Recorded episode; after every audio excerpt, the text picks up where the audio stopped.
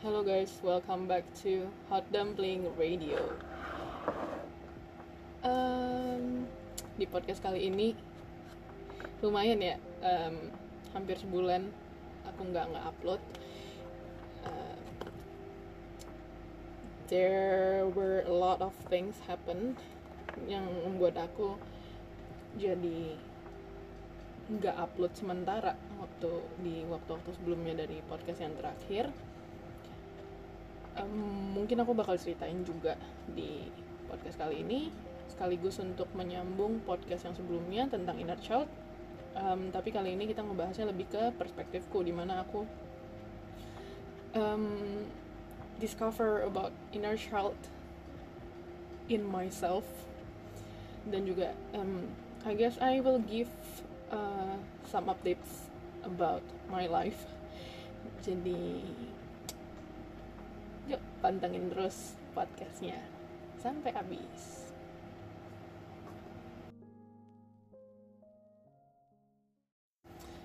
okay, so let's start with some updates. Um, kenapa aku nggak upload kemarin itu?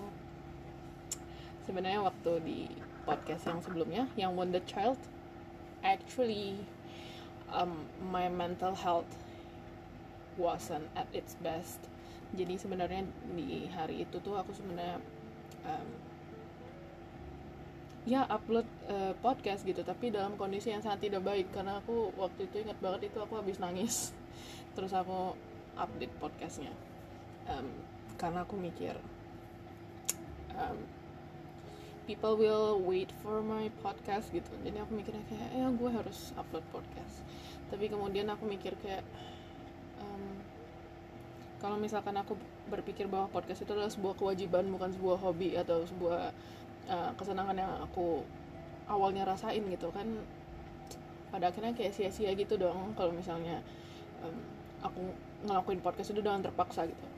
Meskipun aku tahu kalau misalnya uh, podcast itu enaknya itu kan uh, update-nya rutin gitu. Terutama ketika kita udah punya um, listener yang emang setia gitu. But then um, untuk saat ini aku benar-benar berpikir tentang diriku sendiri dulu gitu. Jadi um, uh, I prioritize my condition first before everything gitu. Dan kebetulan emang sejak um, the last podcast itu aku emang memutuskan untuk um, kembali ke psikiater gitu dan minum obat. Uh, kebetulan aku baru sekali sih karena um, dokternya bilang um, obatnya dihabisin dulu baru balik. Tapi sayangnya aku um, harus pindah kos harus pindah tempat tinggal. Um, jadinya kemungkinan aku nggak akan balik ke dokter itu lagi gitu. Dan aku bakal balik ke dokter yang dulu pertama kali nanganin aku. Um, I guess mungkin everything happen for a reason. Mungkin emang Tuhan nyuruh aku balik ke uh, dokter yang dulu lagi karena dia dia yang nanganin gitu. Dari awal aku benar-benar terpuruk banget. Jadi mungkin um, aku disuruh balik lagi. Dan sejujurnya emang aku nggak terlalu terbuka sama psikiaterku waktu kemarin. Tapi nggak terbukanya itu bukan disengaja gitu. Emang apa ya istilahnya? Kita tuh ketika kita minum obat kan kita ngerasa moodnya baik ya jadi membaik gitu. Jadi kadang-kadang tuh suka kemis gitu apa yang dirasain gitu gitu nah jadi um,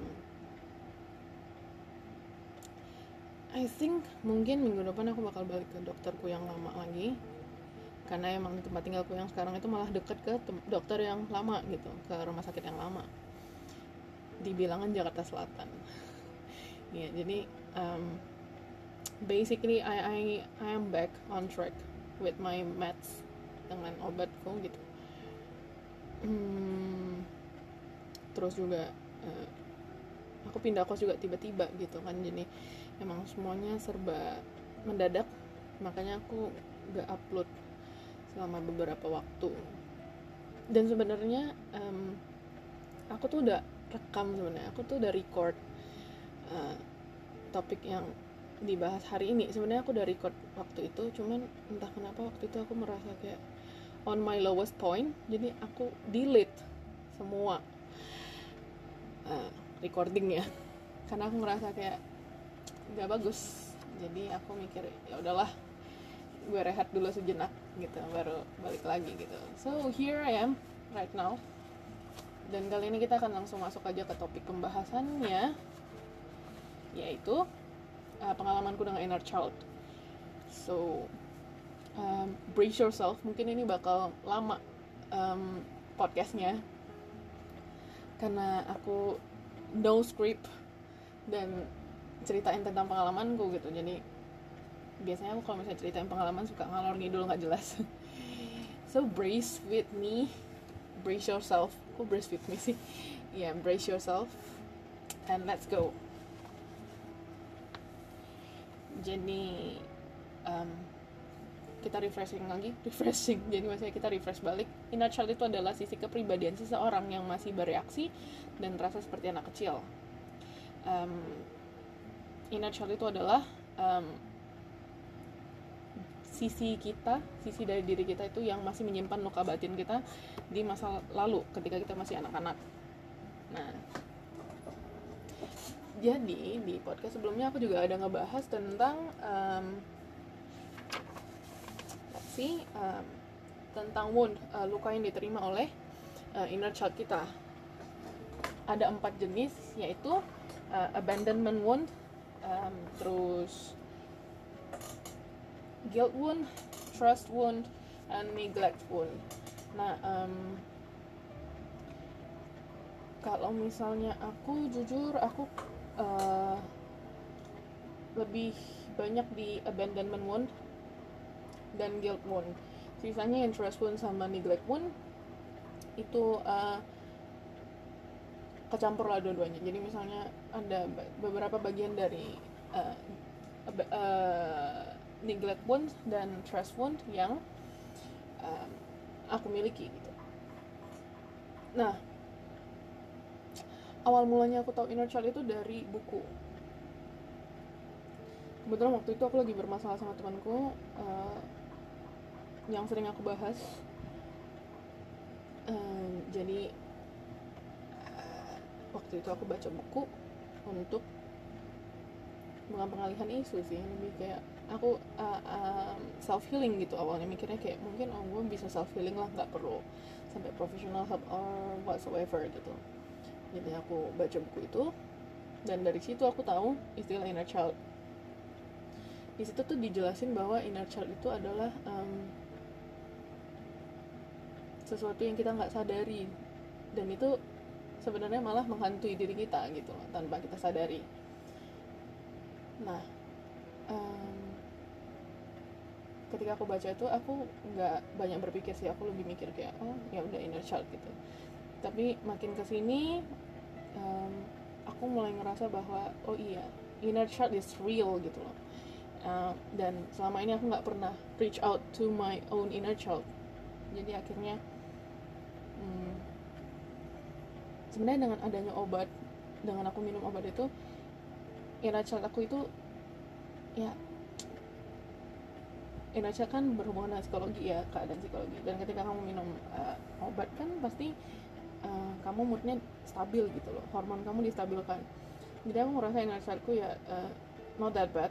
Jadi kayak ya dia udah biasa aja gitu. Tapi ketika udah mulai lepas gitu satu hari nanti ya aku udah ngalamin sendiri gitu. Ketika aku lepas dari obat setelah setahun lepas dari obatnya jadi aku nggak langsung ngerasa kayak ketergantungan sama obat enggak um, sebenarnya aku ngerasa aku masih bisa handle diriku sendiri cuman aku mikir kayak nothing tulus kalau misalnya aku pergi uh, berobat lagi gitu. Dan yang sebenarnya kalau misalkan aku tahan-tahan terus gitu walaupun aku ngerasa aku masih bisa uh, hadapin segalanya tanpa bantuan obat gitu aku takut bakal balik lagi ke keadaan aku yang dulu. Dan emang sepanjang dari Maret ketika mulai self quarantine sampai uh, sebelum aku ke dokter aku selalu berpikir bahwa oh gila bentar lagi gue bakal end up like before gitu. Gue bakal balik lagi kayak dulu aja gitu. Nah tapi ya uh,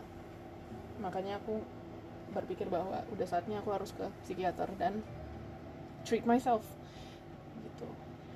Nah, jadi um, yang paling berasa itu woundnya adalah abandonment wound um, abandonment wound ini kan bermanifestasinya menjadi feels left out uh, merasa ditinggalkan eh merasa ini diabaikan gitu.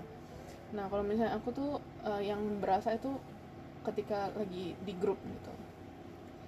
Tapi tergantung ya grupnya itu juga nggak semua grup gitu. Tapi most of the time ketika uh, interaksi dengan grup interaksi dengan teman-teman grup gitu misalkan kayak ngobrol di grup grup chat grup call gitu aku selalu ngerasa diabaikan gitu. Karena um, at one point uh, lama-lama aku mikir bahwa apa yang aku omongin itu mereka abaikan gitu. Uh, mereka nggak bereaksi uh, seheboh maksudnya kayak semenyenangkan yang sebelumnya gitu. Aku ngerasa mereka udah bosen atau gimana gitu. Jadi aku ngerasa diabaikan. Aku ngerasa kayak wah I am such a party pooper gitu lah aku ngerasa kayak yang nggak cocok lah untuk orang gitu dan aku ngerasa kayak gue diabaikan gue nggak nggak kelihatan invisible gitu. Same goes to uh, group call gitu. Ketika group call itu awalnya aku pasti selalu semangat ketika group call. Tapi lama-lama aku kehilangan semangat itu dan malah menjadi uh, berpikir bahwa uh, orang-orang uh, mengabaikan aku. Uh, terus kalau misalnya grup chat uh, ketika aku ngasih sesuatu dan grup chatnya itu berhenti di aku gitu. Ngerti kan ya dalam posisi ketika uh, kita lagi ngobrol nih di grup chat. Terus habis itu kamu ngirim sesuatu terus ya udah tiba-tiba out of nowhere setelah chat kamu yang terakhir itu chat yang kamu kirim itu everyone yang just dies down gitu mereka nggak ngebahas apa apa lagi kayak benar-benar cuma kamu yang terakhir gitu. Jadi aku sebagai orang yang overthinker aku pasti mikir kayak ya gila gue berarti ngacauin segala-galanya gitu. Gue diabaikan gitu. Aku mikirnya begitu. Terus kemudian fears bring left um, takut ditinggalkan. Uh, ini nyata banget. Karena actually um, yang membuat aku seperti ini uh, maksudnya punya mental health issue gitu adalah kejadian-kejadian di mana aku ditinggalkan sama orang-orang. Ditinggalkannya bukan meninggal gitu ya enggak. Ditinggalkannya itu ya mereka simply doesn't want to be friend with me anymore. Uh, teman-teman pasti tahu istilah people come and people go. Terus um, ada masanya orang datang hanya untuk singgah dan kemudian pergi gitu. Iya ngerti sih. But I cannot buy it gitu loh. I cannot buy that um, statement gitu. Aku ngerasa kayak kenapa gue harus ditinggalin? Berarti gue seenggak berharga itu gitu. Berarti gue uh, nggak uh, pantas untuk punya teman gitu aku mikirnya. Dan sebenarnya aku itu takut ditinggalin aku takut ditinggalkan orang gitu. Jadi aku benar-benar karena takut ditinggalin aku berubah menjadi orang yang posesif.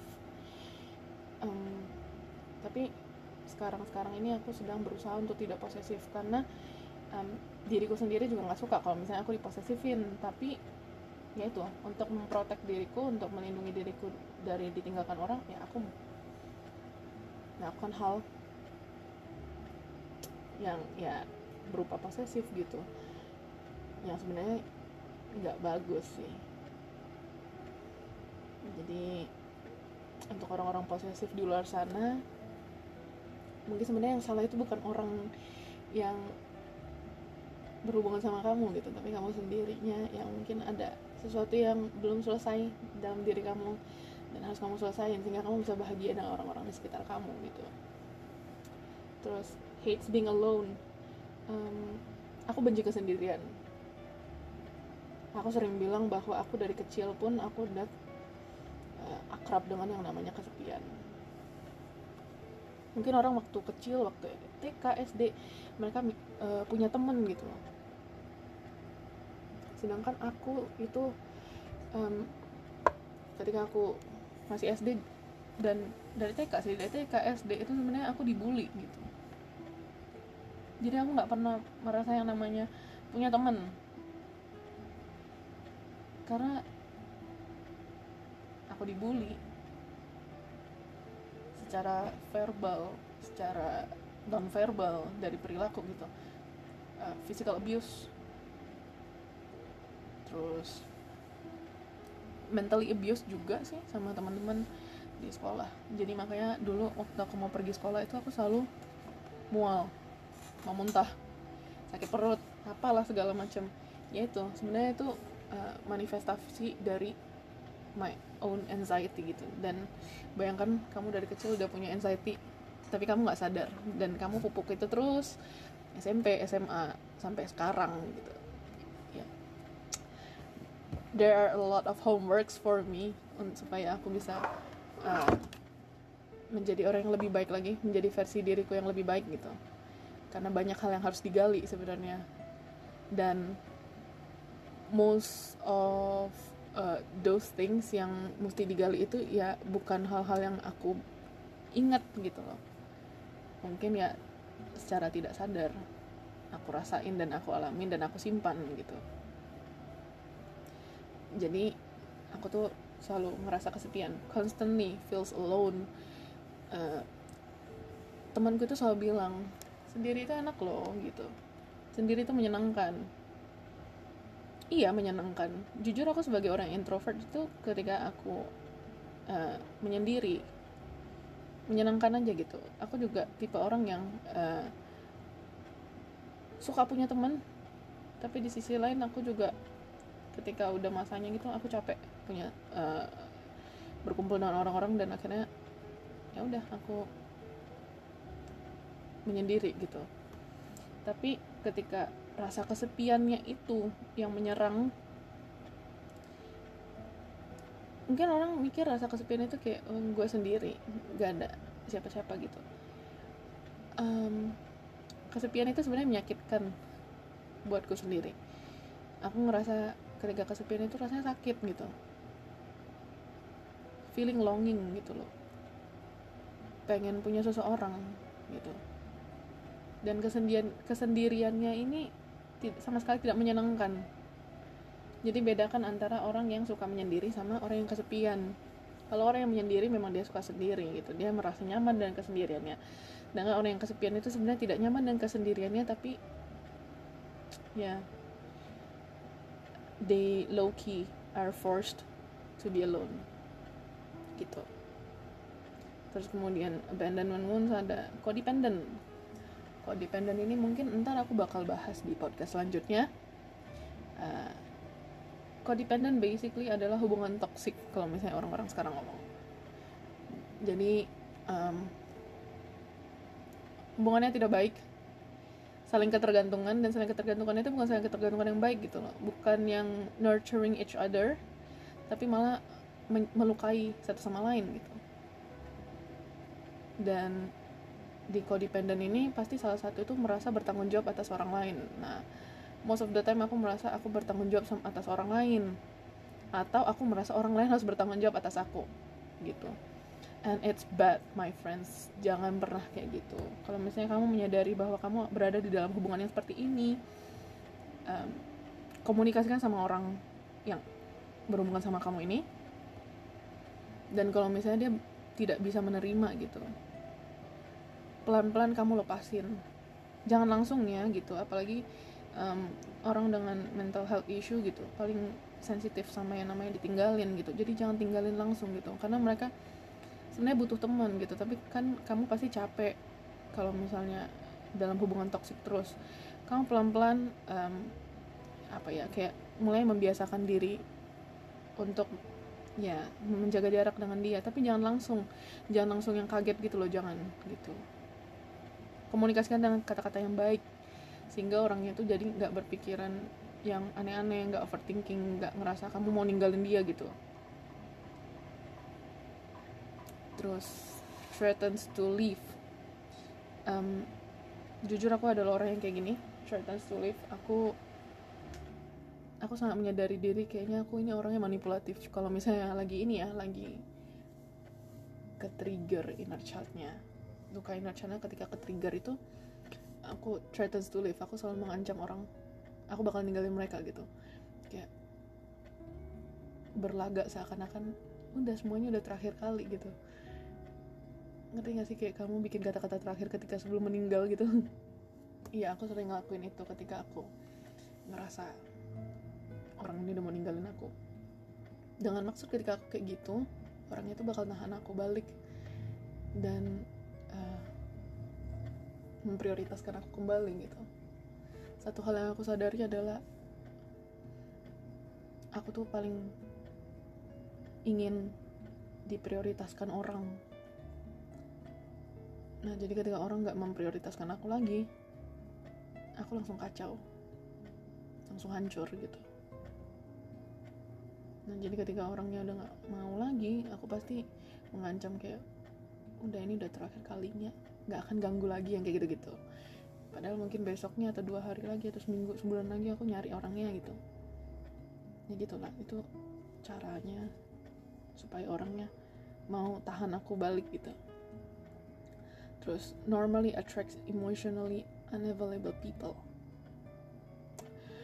Um, jujur kalau misalnya aku mungkin aku memainkan kedua role.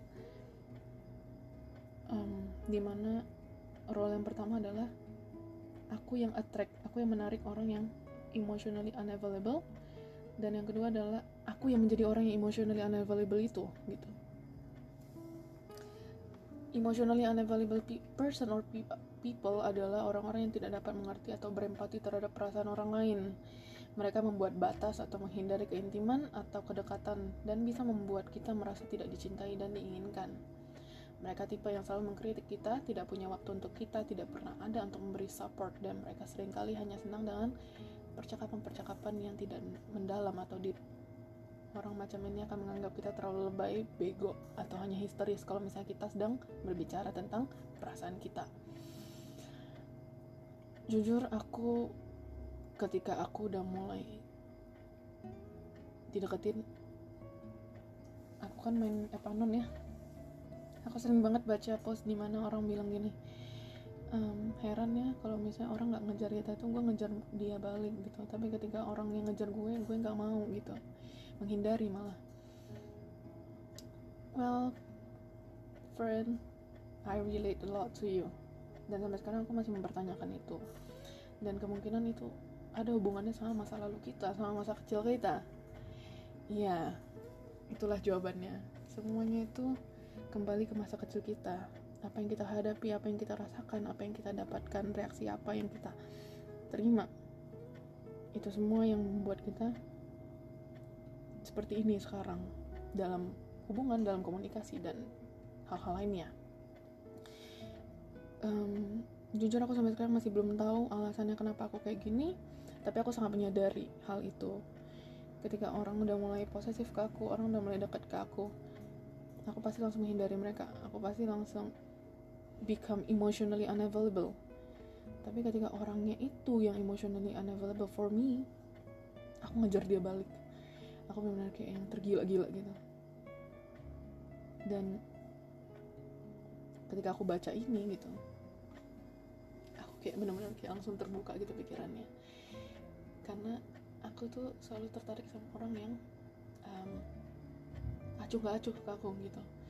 Terus uh, acuh gak acuhnya bukan yang kayak uh, nggak peduli gitu. Nggak aku sangat suka orang yang peduli aku justru sayang sama temanku itu karena uh, dia sangat peduli sama aku.